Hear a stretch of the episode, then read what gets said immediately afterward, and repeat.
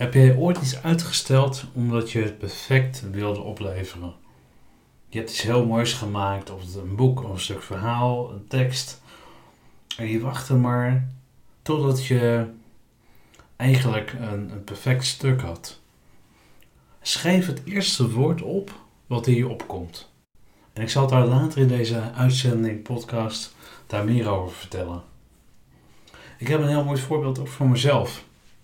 Ik, maakte, ik was bezig met een e-book te schrijven. En ik was heel erg bezig met het perfect maken van het e-book. Op een gegeven moment zei ik tegen mezelf: Ja, weet je, ik uh, maak het af en ik laat het gewoon gaan. Zonder te redigeren, want ik kon geen, niemand, niemand betalen die het kon redigeren voor mij. Ik, ik lanceer het gewoon. Ik ging uit van mijn eigen kracht. En natuurlijk, hè, als je dit, dit verhaal vertelt aan andere mensen, dan zullen ze je misschien uitlachen en zeggen van ja, uh, in mijn geval bijvoorbeeld, hè, Erik, uh, je wilt toch professioneel aanpakken. Uh, je moet iemand inhuren, want anders sta je voor lul en anders kun je dit en anders kun je dit, zus en zo. En zo bouw je eigenlijk als het ware een heel prijzel om, om iets heen wat betrekking heeft op de visie van een ander. En dat was zo voor mij een eye-opener van perfectie is een vorm van onzekerheid. Want als je heel erg vaak streeft naar perfectie, dan is er eigenlijk niet een aanleiding om iets echt af te maken. Want het is nooit perfect. En meningen van een ander daarin hè, is vaak heel makkelijk, want meningen zijn gratis en, ja, toch wijd uh, verspreid te, te geven. En altijd wel van vanuit waar hè, die persoon die de mening geeft daarover, wat heeft zij of zij gedaan daarin. Dus wat ik altijd zeg als stelregel, uh, perfectie uh, bestaat niet, dat sowieso nooit. En doe het gewoon. En door het te doen, door dingen te doen, echt vanuit je hart te doen en te gaan, zul je zien dat de perfectie uiteindelijk al zal komen. Als stel nou dat ik het e-book heb geschreven, het e-book heb geschreven, dus de reis naar bewustwording, en iemand bekijkt dat boek. En die persoon zegt tegen mij, maar ja Erik, dat boek is eigenlijk gewoon heel erg perfect.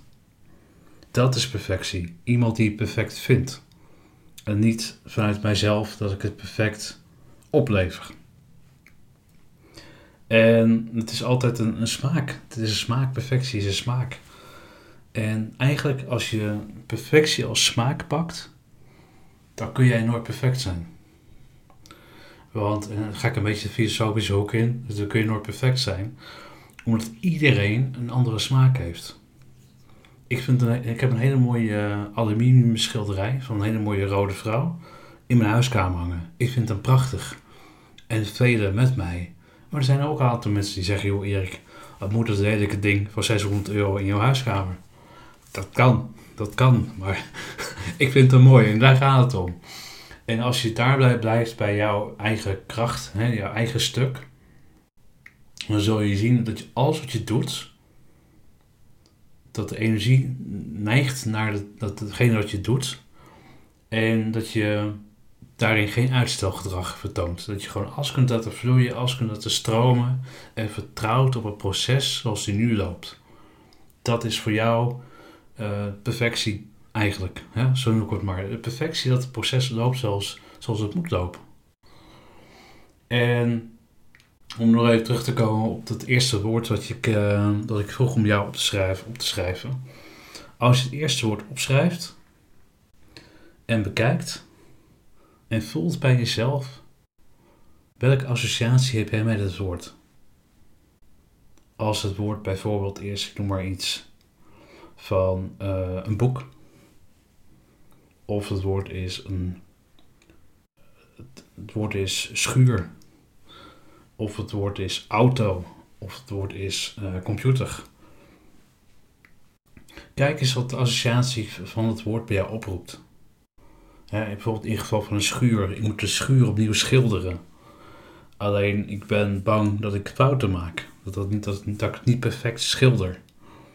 Of uh, ik, heb een, ik heb een heel mooi boek klaar liggen om uit te schrijven. Maar ik ben bang om het niet te doen, omdat ik bang ben dat het niet perfect is. Dus ik begin er maar niet aan. En dat is eigenlijk heel erg zonde, want je leert along the way. Je leert door fouten te maken op de pad die je loopt. Ik maak heel veel fouten. Ik maak nu ongetwijfeld ook heel veel fouten in mijn grammaticale uitspraak, in mijn uh, volume. Dat, dat is zoals het is. En door dat te accepteren en te omhelzen als een fout die bij het leven hoort en die bij jou bijdragen bij jouw leercurve. Want de volgende keer zeg je tegen jezelf van, hé, hey, ja, ik had toen dat fout gemaakt van, van mijn tempo, mijn spreektempo. Of ik had mijn, fout gemaakt van mijn, uh, dat ik een verkeerde kleur had gebruikt toen ik mijn schuur ging uh, verven. Daar leer je van. Als je dat in oogschouw neemt, dat het alles bijdraagt tot jouw leercurve, dan is het jouw perfectie. En, niet de onzekerheid. Het is jouw perfectie. En want je hoeft niet alles. Hè, perfectie, onzekerheid is de titel. Maar het is natuurlijk wel zo dat je kunt, te maken kunt hebben met het uitstelgedrag wat bij perfectie hoort. Als je streeft naar perfectie, stel je uit. Maar als je gewoon doet en gaat en denkt: oké, ik vertrouw op het proces, dan ben je aan het doen. En dan vertrouw je erop dat het ooit in jouw ogen perfect zal worden. Dat is mijn, uh, mijn verhaal over perfectie. Dankjewel voor het luisteren. Hele fijne dag en tot gauw.